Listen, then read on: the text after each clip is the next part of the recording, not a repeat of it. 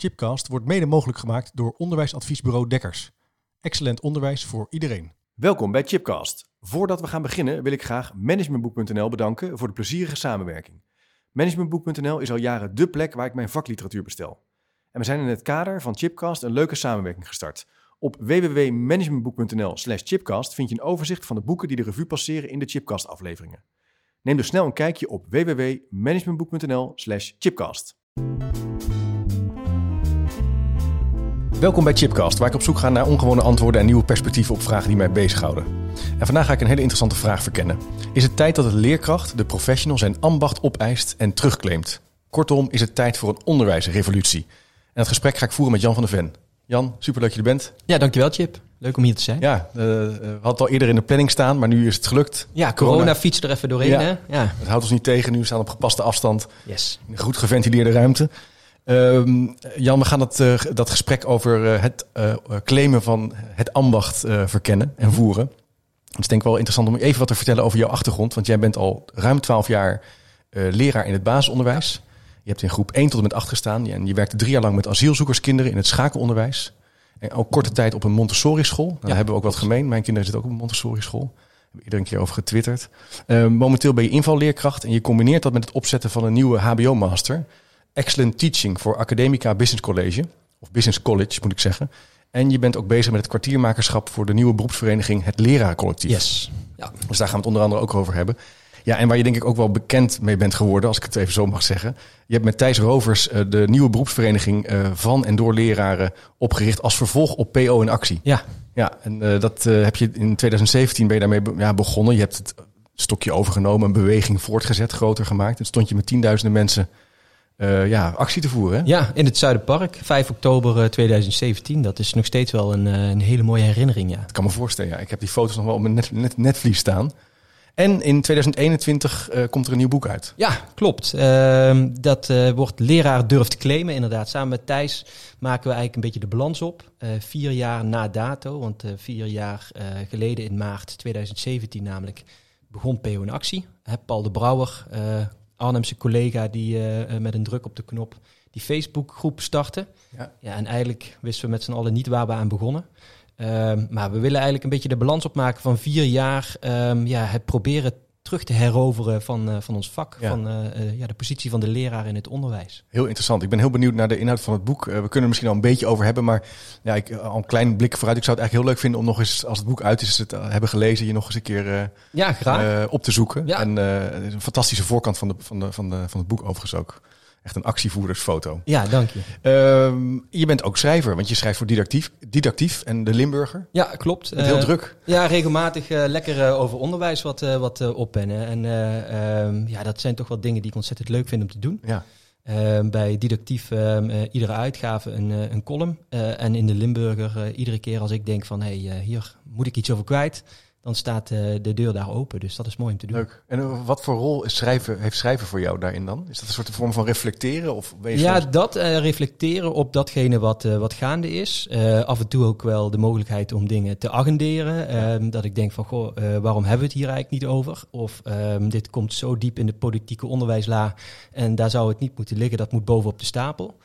Um, maar ook gewoon, het houdt me wel ook wel scherp op, uh, um, ja, op datgene wat er om me heen gebeurt ja. rondom onderwijs. Ja. En um, ja, sinds ik column schrijf, ik doe dat al vrij lang, niet altijd alleen maar over onderwijs, maar ook bijvoorbeeld uh, vroeger in een regionaal blaadje over uh, het jonge vaderschap, bij wijze van spreken. Ah. Het maakt je heel scherp op, op datgene waar je over wilt schrijven. Um, en het houdt je heel erg in het, in het hier en nu, dus dat, dat vind ik fijn. Ja, mooi. En het is ook een uitdaging om in, in 500, 600 woorden de kern van je verhaal. Ja, uh, ja toch? precies. Um, en dat blijft altijd wel. ja, ik, ik, ik, moet zelden woorden toevoegen. Ik ja. moet altijd uh, schrappen. Schrappen, dus, schrappen, uh, schrappen. Schrijven is de kunst van het schrappen. Heb ik ooit een keer geleerd. Um, nou, we gaan het hebben dus over dat idee van dat ambacht opeisen, terugclaimen. Um, waar zullen we eens beginnen? Want je, je hebt op een gegeven moment ben jij, die, ben jij als het ware ja, actie gaan voeren. Ja. Was er een bepaald moment dat je dacht van dit is voor mij, hier moet ik wat mee? Ja, dat zijn eigenlijk twee momenten wel. Eén um, moment toen ik gewoon nog uh, leraar groep 8, groep 7, 8 was in een uh, Vierlingsbeek, een dorpsschooltje. Um, toen ik dacht van, hé, hey, uh, waarom hebben wij het in ons team eigenlijk zo weinig over onderwijs en zoveel over eh, allerlei andere koetjes en kalfjes. Ehm, en ehm, ja, waarom weet ik niet wat er ehm, in de klas van mijn buurvrouw eh, speelt of Ja. eh, van mijn co- eh, kleutercollega? En toen heb ik een, eh, eh, een project opgestart waar ik eh, toen ook geld voor heb gekregen vanuit Onderwijspioniers. Dat was een voorloper van het Lerarenontwikkelfonds, dat is nu nog steeds bestaand. Ehm, om ehm, een, een traject op te zetten. En, dat heette toen Open Podium. waarbij we één keer in de maand ehm, ja, het podium gaven aan een collega om wat te vertellen over zijn of haar onderwijs. En hoe zij dat voor elkaar hebben gekregen in hun klas. En dat kon van alles zijn, iets waar iemand gepassioneerd over is, van waar zij mee bezig waren geweest. En dat leverde hele mooie gesprekken op in mijn team. Eh, een eh, eh, groep 8 collega die tegen een kleuterleraar zei van... nou, ik werk al 15 jaar met je samen... maar ik wist helemaal niet dat jij zo in het onderwijs staat. En de manier waarop jij het thematisch onderwijs aan elkaar verbindt... en daar dus eigenlijk één verhaal van probeert te maken... daar kan ik wel iets mee. Mooi. Kun je een keertje bij mij komen kijken? Om, ja, dus dat, dat bracht ook wel iets toen de tijd. Eh, dus dat was eigenlijk het eerste waarvan ik dacht van... hé, hey, wacht eens eventjes. ehm, we zouden als leraren ehm, ja, wat meer in gezamenlijkheid... gewoon naar ons onderwijs moeten kijken en het erover hebben... Eh, en dat wat meer in eigen handen nemen... in plaats van alleen maar ehm, ja, achteroverleunen... in je eigen klaslokaal terugtrekken... eh, en daar doen wat jij denkt dat, dat, dat goed is. Ja. En daarnaast, ja, wat bij PO in Actie een beetje als voorloper was... ehm, was het besef van ehm, ja, in 2017, vlak voor de Tweede Kamerverkiezingen... ehm, heel veel partijen die behoorlijk wat investeringen in hun partijprogramma's hadden opgeschreven... Maar niemand die het over de salariskloof destijds had tussen primair onderwijs en voortgezet onderwijs. Ja, en daar heb ik toen een eh, column over geschreven, wat aan de voet stond eh, van, eh, van PO in actie. Ja. Ja, en dat, ja, toen is het balletje eigenlijk echt gaan rollen. En ja, toen kon ik eigenlijk ook niet meer anders dan eh, ehm, de uitdaging aan te gaan samen met Thijs, samen met Paul de Brouwer, die eh, eh, Facebook PO in actie startte, en met nog een aantal andere collega's. Ja, om de daad ook bij het woord te voegen. Ja. Ehm, in die column riep ik ook heel expliciet op van misschien wordt het dus tijd om de deuren dicht te gooien. Ja, en als je dat dan doet, dan als je A zegt, moet je ook, moet je ook B zeggen. Ja, nou, dat is natuurlijk wel bijzonder, want je kan kritiek geven, maar ook echt de daad bij het woord voegen en mensen uitnodigen en er gaan staan. Dat is nog wel even andere koffie. Ja, nee, dat, dat klopt. En eh, ja, dat eh, hebben we ook eigenlijk alleen maar gekund om, eh, ja, doordat het zo'n open zenuw raakte eigenlijk in het primair Ja. onderwijs. En Ja. dat we in zo'n korte tijd eh, zo ontzettend groot zijn geworden. Dat is een van de su- succesfactoren en waarom het ons wel gelukt is om in de afgelopen vier jaar naar iets van de grond te krijgen, wat dat dan ook is. Ehm, ja, en dat, dat is een van de factoren die hielp. Een andere factor die hielp is dat wij gewoon zelf leraren waren. In Ja. plaats van dat iemand dat zegt die heel ver van die praktijk af Ja. stond. Ja. En een, eh, ja, andere succesfactoren zijn onder andere de snelheid eh, van sociale media. Die heeft er enorm in, eh, in meegespeeld. Het momentum vlak voor de verkiezingen en voor een hele lange formatie eh, was ook fantastisch, Ja. achteraf eh, eh, gezien. Ja, en zo zijn er nog een aantal dingen meer Ja. ehm, ja, die we van tevoren niet hadden kunnen plannen. Want PO in Actie is dus nooit een gepland verhaal geweest. Ehm, maar waar, waar we op ja, cruciale momenten steeds de juiste beslissingen hebben genomen. Als in het opzetten van een PO-front tot een grote samenwerking van de PO-raad met de vakbonden ehm, op ons initiatief. En een aantal politieke uitglijders van, van kopstukken die we perfect wisten te verzilveren. Ehm, ja, dat soort dingen meer eh, heeft ontzettend geholpen. En ook wel de trots op het vak, hè? want dat, dat herinner ik nog. Jullie zeiden ook we moeten het, weer het, het Ja. vak terugpakken en we moeten daar trots op zijn. Het is prachtig wat wij doen. Ja. Het lijkt wel alsof we aan het eind van de worst staan, maar dat willen we helemaal niet. Nee, precies. Nou ja, en dat, dat is ook wel iets wat. eh, dat heeft in die eerste maanden ook best wel eh, vanuit een andere kant gespeeld. Ehm, dat we echt wel kritiek kregen van, eh, van mensen. Ja, waarom moet het altijd zo, altijd zo zuur over onderwijs bijvoorbeeld? Ja. We zijn zelfs gewoon voor de zomervakantie in 2017 eh, nog op het matje geroepen bij OCW. Ehm, met daarbij de boodschap van ja. Ehm, realiseer je dat jullie met je acties ehm, ja, een beeld scheppen eh, waardoor het vak misschien nog onaantrekkelijker wordt. Ehm, ja, wij hadden daarvoor al met elkaar over gehad van ja, eh, alle mediaoptredens die we hebben, laten we daar in ieder geval ook wel het zinnetje in laten vallen dat het zo'n ontzettend mooi beroep is. Want dat vinden we ook. Juist omdat het zo'n prachtberoep is, maakt het de moeite waard om ervoor te vechten en voor op te gaan staan. Precies. Ja. Ehm, ja, en uiteindelijk als je nu kijkt naar de eh, stijgingscijfers, aanmeldingen op de PABO, eigenlijk vanaf die zomer van 2017, ja, die zijn echt, eh, eh, die zitten enorm in de lift. En ik zou dat echt niet alleen maar op het konto van PO en Actie schrijven. Ehm, maar ik denk wel dat PO en Actie iets gedaan heeft met een bepaalde zelfbewustheid en Ja. professionele houding ten aanzien van, hé, hey, wacht eens eventjes, dit, is, dit is ons vak. Ja. Ehm, en ik denk wel dat dat ook mee heeft gespeeld ehm, in de aantrekkelijkheid om, eh, om dat vak dan ook te gaan uitoefenen. Of in dat vak te blijven, of wat dan ook. Ja, nee, ik kan me heel, goed- heel goed voorstellen. En, en het, die beweging gaat natuurlijk ook over het terugclaimen van het vakmanschap. Die expertise, dat centraal stellen, daar goed voor, normaal voor betaald worden. Eh, hoe is het weggeraakt? Kunnen we, als we als het Ja. ware vanuit die probleemanalyse even kijken. Zou je, wat zijn als het ware perspectieven daarop? Ja, dat is eh, een hele goede vraag. Eh, ehm, omdat als je eh, het systeem van nu zou leggen op een situatie van een pak een beet eind jaren 70 of begin jaren 80, ik noem maar wat. ehm, ja, dan denk ik eerlijk gezegd dat leraren die destijds eh, ehm, de beroepsgroep vormden, echt dachten van ja, maar zo gaan we het niet doen. Nee. Ehm, wij zijn geen eh, uitvoerder eh, van, van onderwijs. Eh, het onderwijs van ons. Wij maken dat onderwijs. Ja, ja. Toen denk ik ook nog wel behoorlijk individueel.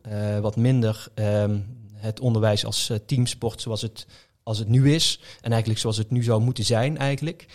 Ehm, en dat hebben we ook wel een beetje zelf gewoon laten gebeuren in de afgelopen decennia. Ehm, ja, want waarom zijn we in die afgelopen 20, eh 30 jaar eigenlijk niet massaal de straat op gegaan bij bepaalde ontwikkelingen? Dat vraagt me ook wel eens af. En ik denk dat daar verschillende ehm, redenen aan de grondslag liggen.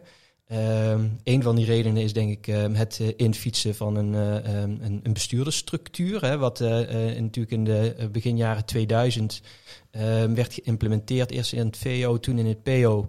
Ehm, en een, ja, een hele andere dynamiek heeft gebracht. Een heel concreet voorbeeld. Als er nu iemand een goed plan heeft eh, in de hoftoren over onderwijs.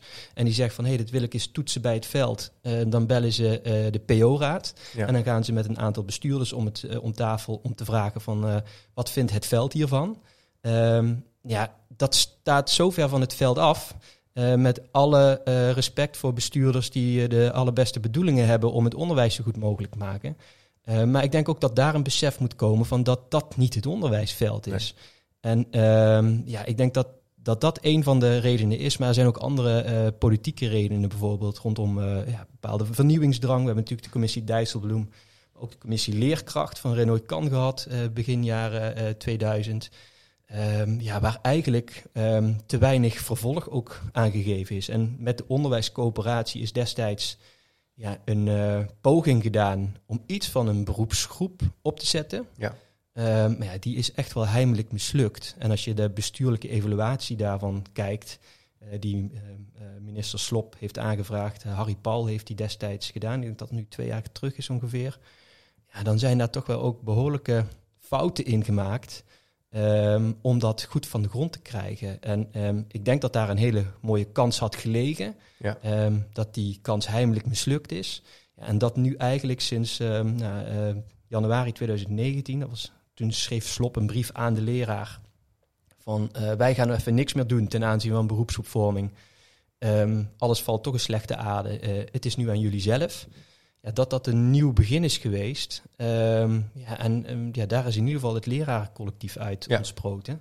Ehm, maar ja, dat, dat, er zijn tal van, van dingen die daarin meespelen en die het moeilijk maken. Want ja, in het VO heb je weer een heel andere dynamiek dan het PO.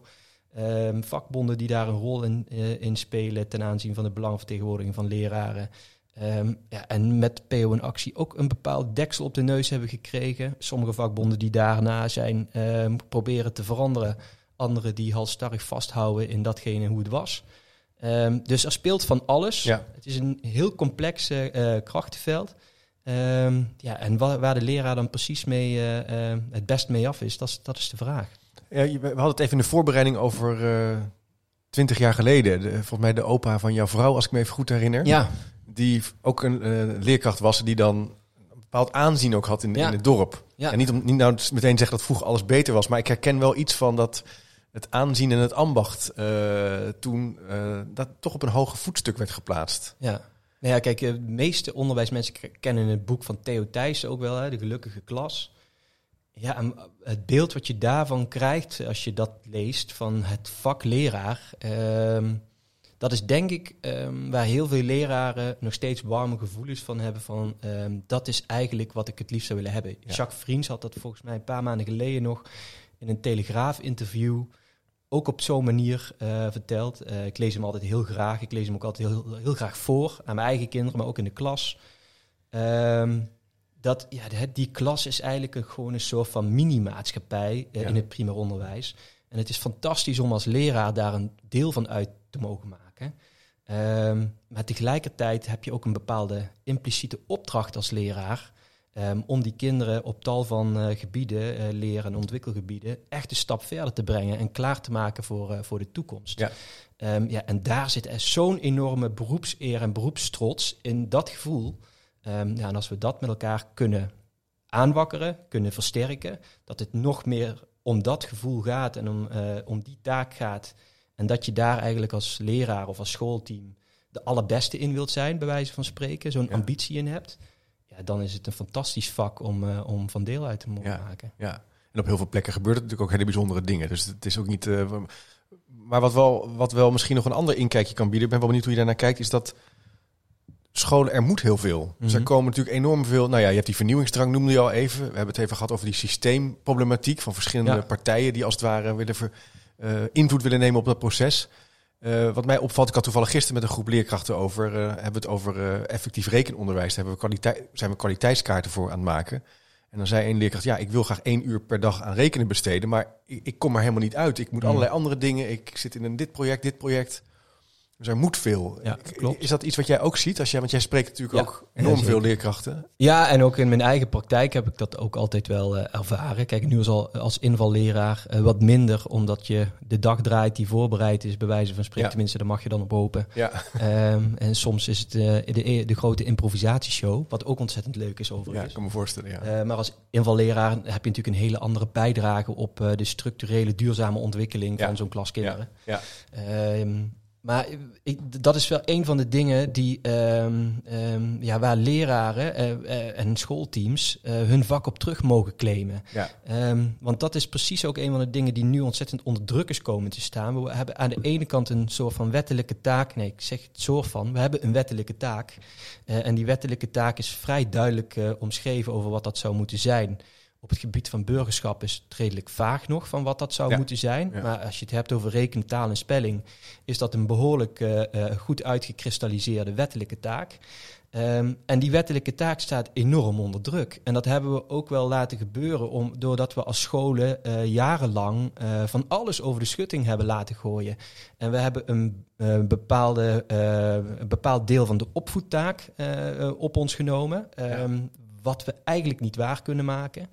Um, ook scholen die altijd uh, propageren met dat het kind centraal staat. Um, denk ik ook af en toe van wat roep je over jezelf af? Je kan het als schoolleider roepen of als bestuurder roepen. En dan kan jij er maar aan staan als leraar met 30 kinderen in ja, je klas. ja. Uh, met uh, 10 leerlingen die um, ja, zware of minder zware uh, gedragsleer, uh, ontwikkelstoornis hebben of wat dan ook waar je mee om moet gaan. Ja. En dan zou jij dus um, ieder kind centraal moeten zetten. Dat gaat gewoon niet. Dus wat centraal zou moeten staan, um, is de focus op die wettelijke taak en hoe je um, hopelijk ieder kind van die 30 uh, richting die wettelijke taak uh, krijgt. Ja. En um, ja, ik denk dat als we die focus meer met elkaar zouden kunnen gaan brengen, um, dat dat ook lucht kan uh, verschaffen op de scholen. Um, en als dat lukt, ja, dan mag je als school van mij uh, um, uh, iedere uh, leuke hobby um, of nou, bepaalde kleur of stroming over je onderwijs schieten. want dan zit die wettelijke taak tenminste geramd. Ja, en nu is het vaak dat scholen elkaar willen afsteken op hoe bijzonder ze zijn. terwijl als je een school in Lutjebroek om op 11 uur s ochtends binnenloopt, uh, of in school in Amsterdam uh, Zuidoost, of een school in Venra waar ik vandaan kom, dan zijn scholen vaak met dezelfde dingen bezig. Ja, ja. Uh, of dat nou een groep 3 ja. is daar of een groep, groep 3 daar. Um, en ik denk dat we um, ons veel te veel um, hebben laten leven door de wensen van, van anderen ja. dan, uh, dan wat die wettelijke taak voorschrijft. En dat komt denk ik ook door de zeggenschap die er dus is van leraren, van schoolteams, op datgene wat er op hun school gebeurt. Ik denk dat die zeggenschap met het invoeren van onder andere bijvoorbeeld die bestuurslaag ehm, op een verkeerde plek is komen te liggen. Ehm, en ik denk altijd, hè, als je onderwijs stript van als een franje, hè, hou je een leraar en die klas met kinderen over. En alles wat daar rondomheen is georganiseerd, zou echt gewoon in dienst moeten staan om dat proces zo optimaal mogelijk te Ja. laten verlopen. Ja. En dat is op dit moment gewoon niet altijd het geval. Ja, dus ik kan me ook voorstellen, als, die, als, het dus, als je dus je ambacht en je vak langzaam kwijtraakt, dat je ook gevoelig wordt voor hypes en trends. Dus dat, dan wordt het ook makkelijker van buiten naar binnen, dat er nieuwe ideeën op je afkomen. eh, Ja, dat denk ik ook. En dat je dus niet, eh, vakmanschap gaat ook als schoenmaker, even als voorbeeld, zeggen, Ja. nou ik doe wel deze schoen en niet eh laarzen. Ik, be- be- ik, hè, ik richt mij op een Ja. specifiek ambacht. Ja, zeker. En dat is natuurlijk iets wat, wat steeds moeilijker wordt als je niet met- als team dat gesprek voert. En ook natuurlijk de autonomie en de keuzevrijheid hebt om dan besluiten te, te kunnen nemen. Ja, ja, nee, dat denk ik ook. En ja, kijk, daar spelen verschillende dingen een rol. Ook de mate waarin we bijvoorbeeld als beroepsgroep zelf ehm, als eh, methodeafhankelijke leraren soms zijn geworden. Eh, kijk, als ik vanaf morgen een nieuwe groep 5 ga doen, waar ik al jaren niet meer in heb gestaan, eh, dan heb ik die methodes echt keihard nodig om Ja. enige houvast te hebben. Om zeker te weten dat mijn wettelijke taken, die leerdoelen, die kerndoelen, ehm, ehm, dat, ik, dat ik daar stappen in zet. Ja, ja. Maar als ik een jaartje die groep 5 heb gedraaid, ehm, dan is die methode voor mij alleen nog maar een, eh, ja, hoe moet ik dat zeggen? Eh, een soort van kennisbasis waar ik af en toe uit put. Maar mijn onderwijs, dat, eh, dat ontwerp ik zelf. Ja. En dat, hè, dat van architect en uitvoerder. Ik denk dat we wat dat betreft, een uitvoerder laat zich veel meer aanleunen. En eh, als dan de schoolleider of de bestuurder komt van... hé hey jongens, eh, ik heb met de gemeente dit en dat afgesproken over bewegingsonderwijs. Of eh, laten we eens de gezonde basisschool van de toekomst met z'n allen gaan worden. Want daar trekken we extra leerlingen mee. Ja. Of de dag van respect. Of de week van het pesten. Of de week van het geld. Of de, nou, al die andere dagen en weken die er zijn. Als je uitvoerder bent, dan laat je je dat ook allemaal eh, aanleunen. Terwijl als je architect bent, eh, zeg je van ja, wacht eventjes, eh, meneer de bestuurder of directie. We hebben als team een taak om ehm, eh, deze leerlingen ehm, ja, op rekenen, taal en spelling daar en daar te brengen. Dat staat enorm onder druk. Ja. Ehm, dus focus hierop. Ja. En de rest, dat doen we wel als, als, dit, als dit goed staat. Het is echt begrenzen van je taak. En dus mooi, mooi beeld van het idee van een architect. En een, een- iemand die ambachtelijk met zijn vak bezig is. En dus heel kritisch kijkt naar wat wel Ja. en wat niet. Ja. Maar blijkbaar zit er dus ook iets in die hiërarchie, in die structuur. Dat je misschien ook wel snel gehoorzaamt of meegaat in een bepaald idee dat eh, dat, dat opgelegd kan worden. Ja, kijk, toen wij PO in actie begonnen, ehm, toen hebben we ons ook wel regelmatig de vraag ook gesteld van hoe hebben we het eigenlijk zover kunnen laten komen. Ehm, en in het primair onderwijs is het zo dat ik denk dat dat te maken heeft met, ehm, met de druk die erop ligt. Dus leraren zijn al blij gewoon als ze hun klas kunnen draaien. Ehm, en als ze dat gedraaid krijgen ehm, en ze kunnen daarnaast nog regelmatig wat overleggen met eh, hun directe collega in dezelfde groep, eh, nou dan, dan is dat al heel wat. Maar om het echt daarnaast ook nog het onderwijs op schoolniveau met elkaar te gaan, eh, eh, gaan aanpakken, eh, dat wordt dan al een, eh, een behoorlijke ehm, zware taak. Dan Ja. zit je week gewoon vol. Ja. Ehm, en tegelijkertijd hebben we wel ook eh, ehm, um, op school allerlei dingen naar binnen gehaald. Waarin projectweken, uitstapjes hier, uitstapjes daar. nou, allerlei dingen de school in hebben gehaald. die ook op de bordjes van leraren zijn komen te liggen. Ja, en ik denk dat, dat die druk op het vak er ook voor heeft gezorgd. dat als je als leraar al moeite hebt om op teamniveau samen over onderwijs te gaan spreken. Ja, laat staan dat je daar dan nog tijd voor vrij kan maken om dat op sectorniveau over jouw vak of over, eh, eh, Ja. over het onderwijs of wat dan ook te, kunnen doen. En als er een hele goede, adequate belangenvertegenwoordiging was geweest, die dat ehm, voor de beroepsgroep, met de beroepsgroep goed zou oppakken, dan zou dat niet erg zijn Nee. geweest. Ehm, maar daar heeft het ook gewoon flink aan geschorst. Zeker, Eh, ja, ja. in actie was er nooit geweest als dat goed voor elkaar was geweest. Nee. Wat ik ook wel herken daarin is dat er, wat ik zelf wel zie op veel scholen, dat er ook vanuit, als je wil werken aan verbetering, dat er ook een hele sterke opvatting is dat, dat alles participatief en samen moet. Dus je wil zoveel mogelijk overleggen. Iedereen moet het overal mee eens zijn. Iedereen moet Ja. inbreng hebben. Dus een beetje in de kleuren van verandering. Als je dat in kleuren, het idee van ehm, ja, rood is dan volgens mij die kleur van alles moet samen. Eh, groen leren van elkaar. Terwijl eh, echt verbeteren, als je bijvoorbeeld kijkt naar het boek van Eva Nijkens, er zijn meerdere Mm. publicaties over, vraagt natuurlijk ook een bepaalde discipline en gestructureerdheid. Is dat een goed woord? Ja, gestructureerd werken, zodat je werkt aan Ja. meetbare en merkbare doelen. En dat is ook iets wat, wat, wat schoolleiders ook lastig vinden. Ja, Eh, dat, dat, dat geloof ik wel. En terwijl daar eigenlijk wel ook gewoon... eh, Kijk, het een hoeft het ander niet uit te sluiten. Want juist heel erg samenwerken aan eh, strak opgestelde doelen... met een enorme focus op datgene wat je als school voor elkaar wil krijgen... en daar eh, je missie, visie, want dat zijn dan die woorden die er om de hoek komen kijken... Ja. Ehm, dat niet alleen op papier laten bestaan... maar echt gewoon tot in de haarvaten van, eh, eh, van je organisatie. Als je dat voor elkaar krijgt als schoolleider... als je dat voor elkaar krijgt als lerarenteam, dan is juist de meeste winst te boeken door dat samen uit te dragen. Ja, Dus ik ja. denk dat het een complementair verhaal zou, zou moeten zijn. En dan kom je een beetje bij die de collective teacher efficacy, eh, eh, waar eh ehm, eh, Hattie bijvoorbeeld ook over heeft. wat zijn enorme weerslag heeft op ehm, ja, het leren van kinderen. Ja. Ehm, en als je dat voor elkaar krijgt als schoolleider, denk ik dat je een heel eind bent. Maar dat zou dus ook een soort van ambitie moeten zijn voor iedere individuele leraar. En ik denk dat dat in het primair onderwijs, want ik moet zeggen dat ik daar ook nog wel wat verschil in zie tussen primair onderwijs en voortgezet onderwijs, Ja. krijgen we ook wel vaak te horen van mensen die om het onderwijs heen werken. Primair onderwijs is al veel meer een teamsport dan dat dat vaak ook in het voortgezet onderwijs is, omdat daar ook behoorlijk op vakspecifiek niveau natuurlijk naar het onderwijs gekeken wordt. Ja. Ehm, en ik denk dat als we dat nog beter voor elkaar kunnen krijgen, door ehm, de keuzes die we maken op school echte keuzes te laten zijn van de professionals die dag in dag uit met die kinderen aan de slag gaan. En dan hopelijk dat die, die keuzes ook gebaseerd zijn op die wettelijke taak. Ehm, dan denk ik dat we eh, een heel eind kunnen Ja, komen. kun je een flinke stap zetten. ja, precies. Eh, daar even op voortbordurend. Ik heb wat vragen van luisteraars ook Ja. eh, meegenomen. Eh, Danielle van der Brink, die hier in Utrecht overigens schoolleider is. Volgens mij op een Montessori school trouwens. Ja? Schiet me nu te binnen, ja.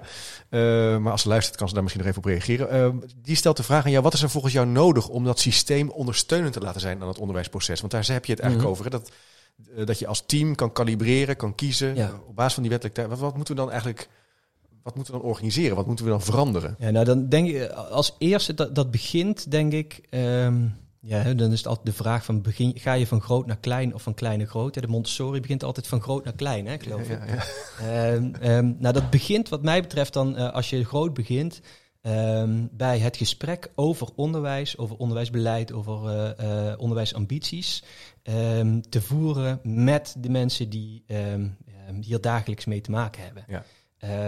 En dat zijn leraren. En dat begint dus met een besef in allerlei bestuurs- en beleidskamers dat je het niet over onderwijs kan hebben zonder dat je dat met leraren doet. Of je het nou hebt over de opleiding, of je het nou hebt over eh, ehm, eh, het curriculum, of je het nu hebt over eh, passend onderwijs, ehm, over de aanpak van het lerarentekort of wat dan ook. Ehm, daar moet je leraren bij betrekken en niet bij betrekken als excuustruus, Nee. maar bij betrekken als eh, specialist. Ja, Eh, wij ja. weten heus wel waar we het over hebben, Ja. eh, over het algemeen. Het moet geen trucje zijn. Nee, zeker niet. En het moet niet zo een, van een afvinklijstje zijn van zit er een leraar aan tafel? Ja, check. Oké, hebben we dat ook gehad. Ehm, en ik denk ook dat ehm, daar de leraren zelf, hè, want het werkt dan twee kanten uit, dat moet ook een ambitie zijn van leraren zelf. Ehm, dat leraren daarover mee willen praten. Ehm, en dan hoeft dat echt niet met z'n 130.000 tegelijk. Maar als je je goed organiseert eh, in een vakbond, in een beroepsvereniging eh, of waar dan ook, ehm, dan kun je dat handen en voeten geven. Ja. Eh, en als je dat geen handen en voeten geeft, ja, dan moet je eigenlijk ook niet klagen dat als je op dat niveau niet meespreekt, ehm, dat een heleboel dingen je gaan blijven overkomen. Kijk, want dan ga ik even naar wat kleiner, naar hoe, hoe organiseer je dat in school? In school werkt het precies zo. Als we kijken naar de werkdrukmiddelen, eh, zoals we die in 2018 hebben vormgegeven met het werkdrukmiddelenakkoord. En wat we daarbij heel simpel hebben gedaan door de eh, betrokkenheid van PO en actie in dat akkoord, is dat we ehm, het gesprek hebben gefaciliteerd ge- op teamniveau over Ja. wat is werkdruk nou eigenlijk. En eh, kijk eens aan, hier heb je een pot van 40, 50.000 euro eh, voor een gemiddelde school van eh, 300, leraren des, eh, 300 leerlingen destijds. Wat kun je daarmee doen met dat geld? Ehm, nou, daar kun je een vakleraar gym voor, eh, voor, eh, voor inhuren. Je kan er eh, onderwijsassistenten voor, voor aanstellen. Je kan een, een begeleidingstraject over omgaan met ICT, ik noem maar wat, als je, als je daar de behoefte aan hebt. Maar door die keuzevrijheid op schoolniveau te leggen, Ja. ehm, faciliteer je het gesprek Ja. over wat maakt bij ons eigenlijk werkdruk. En we hoorden echt van leraren die zeiden van ja, we hebben het hier in 10, 20, 25 jaar nog nooit over gehad samen. En we komen er nu achter dat we bepaalde dingen doen omdat de IB'er die altijd heeft gevraagd, waarvan wij eigenlijk met z'n allen denken van waar hebben we dat eigenlijk voor nodig? Dus je legt die verantwoordelijkheid dus lager in de organisatie. Precies. Bij de mensen om wie het gaat.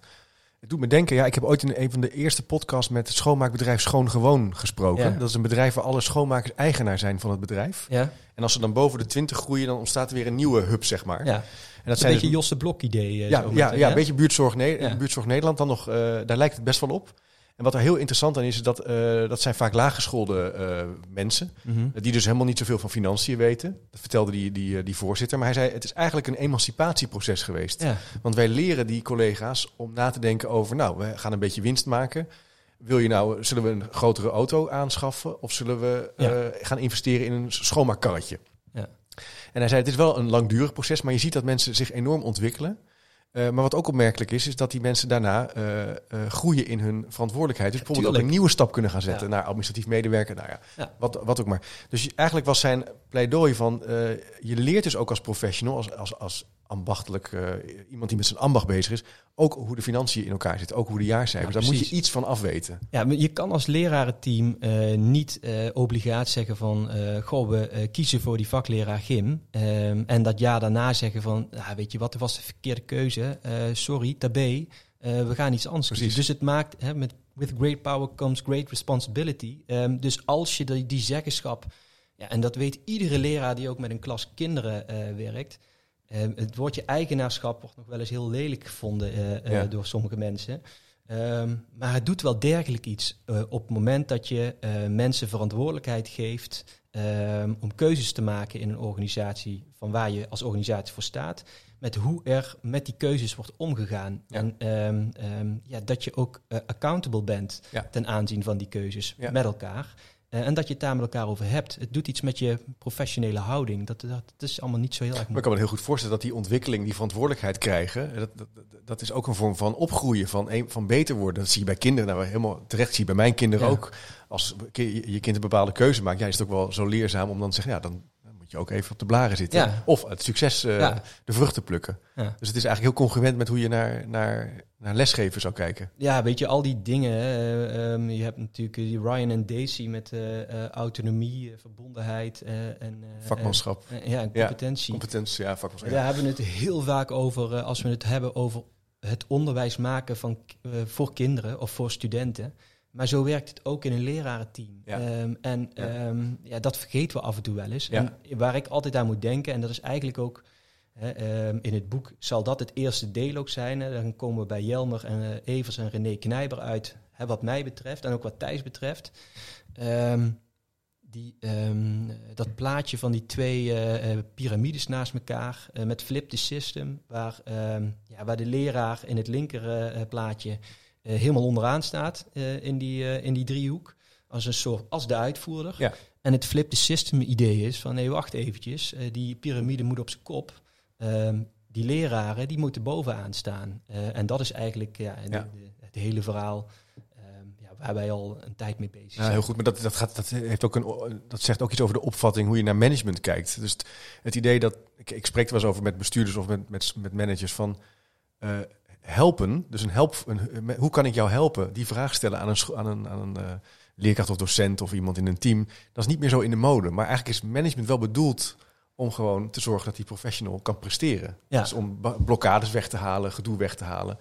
En natuurlijk mag je soms aanjagen en een stip op de horizon neerzetten. Maar echt helpen is niet meer zo in de mode vandaag. de dag. Ja. We noemen het allemaal wel. We hebben het over dienend leiderschap en eh, situationeel leiding. We hebben hele mooie woorden voor. Mhm. Maar, en op de website staat het vaak ook heel mooi op de, hè, op de scholen. Ja. Van eh, de visie op leren. Maar een, een echt ondersteunend zijn aan het primaire proces, is een gedraaide piramide inderdaad. Ja. Nou ja, kijk, en dat is eigenlijk. Cenk Willink heeft er ook een boekje over geschreven. Want het Ja. is niet iets wat het onderwijs alleen maar aangaat. Eh, als je de eh, discussies rondom de zorg eh, ehm, eh, nagaat, dan kom je vaak op diezelfde thema's. Ik weet nog Ja. dat in de zomer Diederik Gommers, hè, tegenwoordig bekende Nederlander, Ja, bij, bij Pauw, of nee, niet bij Pauw, bij Op1 zat, eh, samen met een verpleegkundige naast hem. En hij zat eigenlijk het dichtst bij eh, de twee presentatoren. Die twee presentatoren vroegen wat moet er nou eigenlijk veranderen dan in de zorg? En hij deed dat heel beeldend. Hij zei van, ja, eigenlijk precies zoals wij hier nu al zitten, dat is wat er, wat er verkeerd is. Ik zit naast jullie en die verpleegkundige zit, zit daar achter eh, eh, ehm, ehm, eh, aan de tafel. Zij hoort hier te zitten Ja. en ik hoor daar te zitten. Ehm, Ja. En dat was heel beeldend. Ehm, maar dat is wel waar het, waar het om draait. En ik denk als je dat als onderwijsbestuurder of onderwijsmanager of schoolleider in de gaten hebt, ehm, dat het jouw eigen taak ook alleen maar makkelijker maakt. Ehm, zolang je professionals in stelling brengt om het beste van zichzelf te laten zijn, en dan liefst ook in teamverband hè, op zo'n basisschool. Ehm, ja, wat kun je dan nog meer doen als, ehm, ehm, Ja. als bestuurder Ja. of als schoolleider of wie dan ook? Nee, maar dat betekent dus ook dat je als je ergens een podium krijgt, dat je je collega's naar voren schuift. En, eh, en het punt natuurlijk ook is dat management is heel kwetsbaar, want het heeft, het heeft het vermogen om iets heel moois te maken of Ja. om iets heel erg kapot te maken. Ja, En omdat die toegevoegde waarde de laatste jaren steeds meer onder druk staat, heb je, zie je toch wel veel dat, niet alleen schoolleiders, maar je ziet in heel veel bedrijven, ja, mensen willen toch een podium pakken, laten zien dat ze richting kunnen geven, dat ze leiding kunnen geven aan iets. ja, ja Terwijl precies. Je wil eigenlijk het tegendeel, je wil echt die professional Ja. eh Ja, ondersteunen. zeker. Nou ja, en dat is trouwens wel mooi om, om dat erbij op aan te merken dan, eh, eh, Chip. Want ehm, met name ook de manier waarop wij in de afgelopen vier jaar af en toe ook met de PO-raad hebben gewerkt. Ehm, zij proberen dat heel erg te doen. Eh, zij lopen namelijk ook heel vaak aan tegen eh, onderwijs, eh, mislukte onderwijsbeleid of frustraties. Ja. Waarbij zij ook wel in de gaten hebben van dit mislukt omdat we leraren er niet bij betrokken krijgen. Ehm, dus we hebben regelmatig ook binnen PO in actie, maar ook het lerarencollectief, de PO-raad ook aan onze zijde, eh, die een pleidooi maken van hey, jullie horen hier ook bij aan te schuiven en Ja. bij te zitten. En waarom is, waar is de leraar? Ja. Eh, dit Mooi. gesprek willen we niet voeren zonder dat leraren Nee. hier ook bij, eh, bij betrokken zijn. Ja, en als dat besef dus ehm, overal doordringt, ja, dan denk ik dat we een heel eind kunnen komen op sectorniveau, maar ook voor Danielle, ook op schoolniveau. Ja. Eh, daar zou het om moeten draaien, denk Ja, ik. mooi. Nog eens een vraag eh, van een van de luisteraars, van Joost Heskens. En die heeft het over het idee van een teacher leader. Dus het he- heft in eigen handen nemen, Ja. een stevige basis hebben van kennis en vaardigheden. Zijn vraag is eigenlijk, denk jij dat iedereen dat kan worden? En, eh, en, en wat is er dan voor nodig om dat te organiseren? Ja, weet je, ehm, dan kom je ook een beetje uit bij zo'n eh, ehm, een beeldspraak als van eh, of je met eh 11 Johan Cruijffs nog steeds zo'n goed elftal had gehad in Ja. 1974. Of met acht Roglic met Jumbo zo'n goede Vuelta kan fietsen zoals nu gebeurt. Ehm, ik denk eerlijk gezegd dat je altijd ehm, dat, niet, dat het helemaal niet nodig is dat iedere leraar een teacher leader wordt. Eh, en dat we ook veel meer moeten gaan kijken naar onderwijs als teamsport. Nou, je noemde even Ja. Nike ook al eventjes eerder. Ik denk dat zij daar ehm, een, een, hele goede focus op hebben. Naar van oké, wat hebben wij als team hè, vanuit een gedeelde visie en, eh, visie en missie? Wat hebben wij nodig om als team het beste onderwijs neer te kunnen zetten? En daarvoor is het helemaal niet nodig dat elke leraar een teacher leader is of Nee. elke leraar een expert eh, leraar. Eh, daarvoor is nodig dat je team complementair is aan elkaar. Ja. Ehm, en dat je ehm, iedere dag met elkaar aan dezelfde kant van het touwtje trekt. Ehm, en ik denk dat dat al een hele grote opgave is. Maar als je dat voor elkaar krijgt, eh, ja, dan kom je weer bij die collective teacher efficacy aan. Ja, dan heb je een, een team neergezet ja, dat resultaat kan, kan Ja. boeken. En waarschijnlijk het- waar het heel fijn is om te werken. En sterker nog, eh, want het gaat dan ook vaak over, ehm, ja, hoe moet ik dat zeggen, eh, harde onderwijsresultaten. Maar als dat voor elkaar is, dan is het waarschijnlijk ook een hele fijne plek voor kinderen eh, om naar school te gaan. Ja. Want Ja. soms wordt daar ook nog wel eens een valse tegenstelling in, in opgeworpen. Ehm, ik denk dat het voor leerlingen heel erg helpt als je een hele duidelijke doorgaande lijn hebt in je school. Ja. Ik denk ook, nou ja, dat is voor mij ook een van de inzichten in, nu in de, in de serie van podcast. Eh, goed onderwijs eh, mo- motiveert kinderen, emancipeert kinderen en is een fijne en is heel interactief. Eh, en dat is plezierig en dat is fijn. En daarvoor komen kinderen ook naar school. Ja, dus het, is, precies. het tegendeel is eigenlijk waar. Het is inderdaad een valse tegenstelling. Alsof als je met eh, directe instructie bezig bent, dat kinderen dan niet meer buiten spelen. Of dat er rumoer kan zijn in de klas of zo. Of dat Ja. er gelachen wordt. Dat, Ja. Het lijkt wel eens soms door mensen zo ja, te dat worden is ook genoemd. zo. Ja, en om dan ook maar meteen een andere mythe te debunken. Dan Ja, ja, we gaan door, als ja, we bij ja. elkaar zitten. eh, dat er ook echt geen enkele school is, eh, geen enkele basisschool, ehm, waar alleen maar het één eh, gebeurt. Nee, Ehm, Precies. Ja, dat kan gewoon niet. Als je 25 uur per week met een groep met kinderen ehm, die mini-maatschappij vormt die je bent, ehm, dan doorleef je samen alles. En Ja. dan probeer je Ja. eh, daarnaast ook, en eh, dat is ho- hopelijk de boventoon, ehm, ook die wettelijke taak uitvoeren. Ja. Ehm, maar er is geen leraar basisonderwijs die 25 uur per week bezig is met het uitvoeren van zijn Nee. wettelijke taak. Eh, dat kan helemaal niet. En dat maakt het ook zo'n mooi vak namelijk. Dat je deel uitmaakt van zo'n groep, van zo'n groepsproces. En dat je probeert die kinderen ehm, ja, op tal van gebieden een stapje verder te brengen. Ja. Ehm, alleen mag de ambitie ten aanzien van die wettelijke taak af en toe wel wat omhoog. Ja, die mag omhoog. Ja, ik, heb, ik, moet eerder, ik heb ooit een keer de presentatie van Tim Surma bijgewoond. En daar ontstond ook in zijn verhaal over eh, hoe leren kinderen, hoe Ja. onthouden kinderen dingen, hoe bouw je dan je instructie op. Merkte ik ook een aantal mensen uit de zaal die zeiden van ja, maar ben je dan alleen maar bezig met instructie geven. En hij heeft er volgens mij later ook een keer een stuk over geschreven. Zei, natu- natuurlijk niet als een van de kinderen, eh, oma is overleden of ziek Ja. is, dan ga je daar uitgebreid op in. Eh, dat is, is heel erg belangrijk. Maar je houdt juist tijd over als je een effectieve en goede les eh, Ja. inricht. Ja, precies. Dus dat wat dat betreft. Ik kan me ook voorstellen, als het gaat over dat teacher-leader idee. Gisteren werkte ik dus met een groep mensen aan, aan het maken van kwaliteitskaarten.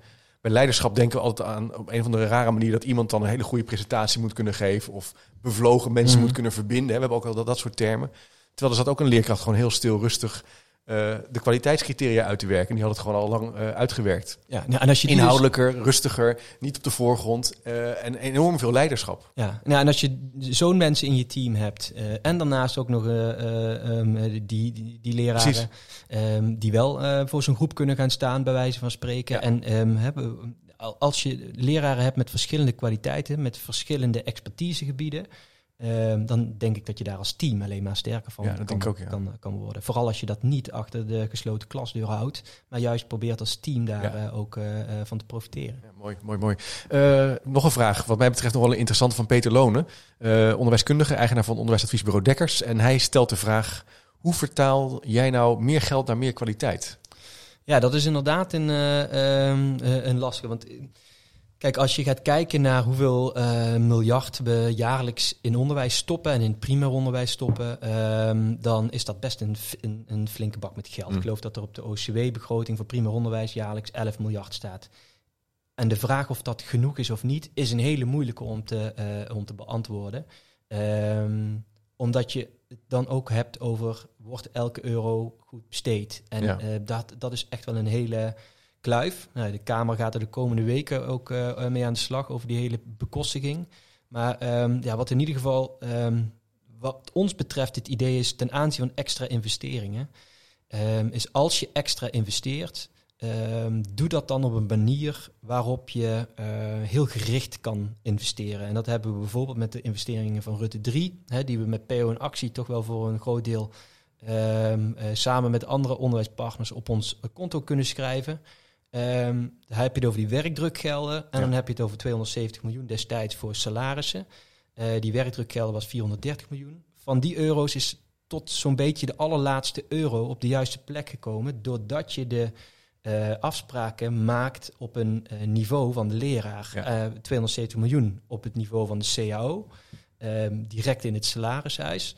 Eh, en die 430 miljoen werkdrukmiddelen ehm, door de zeggenschap voor de besteding van die euro's ehm, op schoolniveau te laten Ja. plaatsvinden. En ehm, ja, er is zelden een regeling geweest in het onderwijs waar men binnen de politiek, eh, binnen besturen, eh, binnen scholen zelf, leraren, ja, zo ontzettend tevreden over is geweest als die werkdrukmiddelen. Dus als je extra geld in onderwijs stap, stopt, ja, dan moet je dat als regering ehm, ook redelijk eh, eh, gericht kunnen doen. In plaats van dat het dus in die onderzichtige lumpsum systematiek komt. Want dan graven we ook als onderwijs ook ons eigen, eigen graf. Ja. Eh, dat je uiteindelijk, ik weet niet, toen was volgens mij Dekker nog staatssecretaris. Dat er op een gegeven moment werd gevraagd van, goh, waar is al dat geld heen gegaan voor die jonge leraren en die conciërges? Dat hij echt moest zeggen, ja, ik heb geen idee. Nee. Ik eh, krijg dat niet boven tafel. Ik heb er geen zicht meer op. Nee, precies. En ja, dat is ook een ander, ehm, ehm, ja, eh, hoe moet ik het zeggen, beleidsstuk.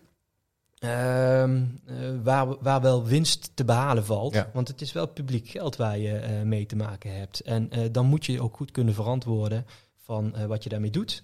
Ehm, of dat genoeg is, of dat te weinig is. En wat je dan meer nodig hebt om, eh, ehm, eh, om te investeren. Ja, maar het, suc- het succesverhaal is dus wel het, het kan. Je kan het dus laag in, de in die organisaties plaatsen, laten besteden en optimaal eh, laten renderen. Ja, ik denk het wel. En kijk, er spelen op dit moment een aantal andere discussies. Bijvoorbeeld over eh, ehm, een week, geloof ik, anderhalve week, komt passend onderwijs-evaluatie in de Kamer. Hè. Dan zitten we half november. Ehm, ook daar gaat gewoon 1,2 miljard euro per jaar naar. Ehm, maar ehm, ja, is dat genoeg of niet genoeg? Nou, we weten in ieder geval dat passend onderwijs bijvoorbeeld niet goed genoeg werkt. Nee. Eh, dat, eh, die conclusie kunnen we wel, eh, wel trekken langzamerhand. Maar is meer geld dan de oplossing? Ja, ik denk het niet. Vooral niet als je als samenwerksverbanden nog tientallen miljoenen op de plank hebt, hebt liggen als reserves. Ja, dan, dan gaat er dus ergens iets fout in het systeem. Dus het is niet altijd zo dat meer geld de oplossing is. Ehm, maar als je het hebt over bijvoorbeeld het primair onderwijs en die salariskloof, ja, dan heb je wel gewoon meer geld nodig om die salariskloof te dichten. Of je moet ehm, een andere regie pakken op de zak met geld die je naar scholen stuurt. Ja, en het is of het een of het ander. Ja. Eh, leraren maakt het op zich niet zo heel erg veel uit. Ehm, maar ja, ik denk dat als je ehm, het geld naar de sector stuurt, eh, dat het geld eh, zo goed mogelijk terechtkomt op, de, op momenten als je daar als werkvloer een uitspraak over kan, eh, kan Ja. doen. Ja, dus de professional centraal. We Ja. komen toch weer terug op het begin Ja, van, ons, van onze Ja. vraag. Onze prikkelende vraag misschien in zekere zin. En hoe, eh, ehm, wat brengt de- toekomst voor jou nu? Eh waar, jij, bent, jij bent hier heel actief mee bezig. Dat boek komt uit. Eh, zijn er nog bepaalde vraagstukken die je gaat verkennen of thema's waar je... Ja, ik hunker wel echt na 1 eh, februari, eerlijk gezegd, Ja? Chip. Eh, ehm, dan loopt de, eh, het kwartiermakerschap voor het lerarencollectief af.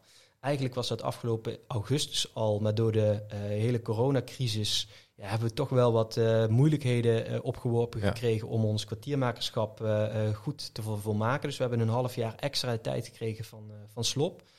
Ehm, en ik denk eerlijk gezegd ook dat zoals het er nu naar uitziet, dat op 1 februari gewoon een robuuste vereniging staat die inhoudelijk, financieel en organisatorisch sterk genoeg is om op eigen benen te kunnen staan. Dat is best bijzonder, aangezien er naar de eh, onderwijscoöperatie destijds volgens mij eh, nou, eh 3 miljoen, 3,5 miljoen per jaar ging. Ehm, en het lerarencollectief dadelijk binnen anderhalf jaar dus op eigen benen staat. Ja. Ehm, ja, en ik denk dat eh, als dat gedaan is, eh, die 1 februari is gekomen. ehm, nou, zoals ik er nu naar, eh, naar kijk, zou ik echt heel graag weer lekker terug voor de klas willen. En dan eh, niet eh, hier en daar een keer een dagje, ehm, maar mijn eigen klas. Eigen en dan klas, is dat ja, gedurende het schooljaar soms wat, wat lastiger. Dus misschien dat het tot aan de zomervakantie toch wel wat losse vervangingen zullen blijven. Maar het zou mij niet verbazen als ik in augustus, september volgend jaar weer heerlijk in een groep 5, 6, 7, 8 of een 1, 2 of 3, 4 eh, ergens met een klas kinderen lekker aan de slag kan. Leuk. Nou, ik ben benieuwd. We, we volgen de belangstelling. Yes. Als je nou als leerkracht denkt, eh, ik wil me inschrijven of meedoen. Waar, wel- is er een website waar we even naartoe kunnen? Of Ja, wat we even het is kunnen denk ik sowieso altijd slim om, eh, eh, als je in het primair onderwijs werkt, je aan te melden op www.lerarencollectief.nl. Ehm, omdat we het echt alleen maar kunnen rooien op het moment dat we sterk genoeg georganiseerd zijn. Ja. Ehm, en we eh, groeien nog steeds, eh, maar er kan altijd wat bij. Met 130.000 collega's eh, is er nog wat groeivermogen, om het zo maar te zeggen. Ehm, en ik denk ook dat het altijd slim is om je ook in een vakbond eh, te, eh, te verenigen. Ehm, want dat is wel ook belangrijk. Het lerarencollectief staat echt voor dat onderwijsinhoudelijke verhaal. Voor de onderwijsinhoud ehm, ehm, op onze scholen, maar ook de inhoud van ons vak. Terwijl een, een vakbond eh, naast dat verhaal natuurlijk ook nog tal van andere dingen nastreeft die enorm belangrijk zijn als het gaat om arbeidsvoorwaarden en arbeidsomstandigheden. Dus ik ben zelf ook lid van eh, de AOB eh, en van het lerarencollectief. En Ja. dat zal ik ook nog wel een tijdje blijven. Kijk, heel goed. Nou Jan, eh superleuk om met je zo in gesprek te zijn over, over de vraag... is het nou tijd dat de leerkracht zijn ambacht opeist? We hebben een aantal mooie verkenningen gedaan hoe we, dat, hoe we dat gaan zien de aankomende maanden. Ook wel een positieve beweging in zekere zin. Ja, Genoeg uitdagingen, maar zeker. er is, we zijn zeker met een, met een beweging, met een veranderbeweging bezig.